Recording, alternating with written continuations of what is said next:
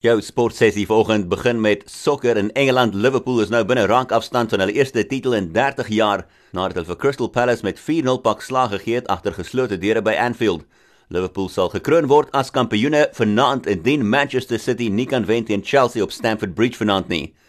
Intussen is dit Anthony Martial wat Manchester United se eerste Premier League driekens aangeteken het in meer as 7 jaar met Ole Gunnar Solskjaer se manne wat maklik gewen het teen Sheffield United op Old Trafford.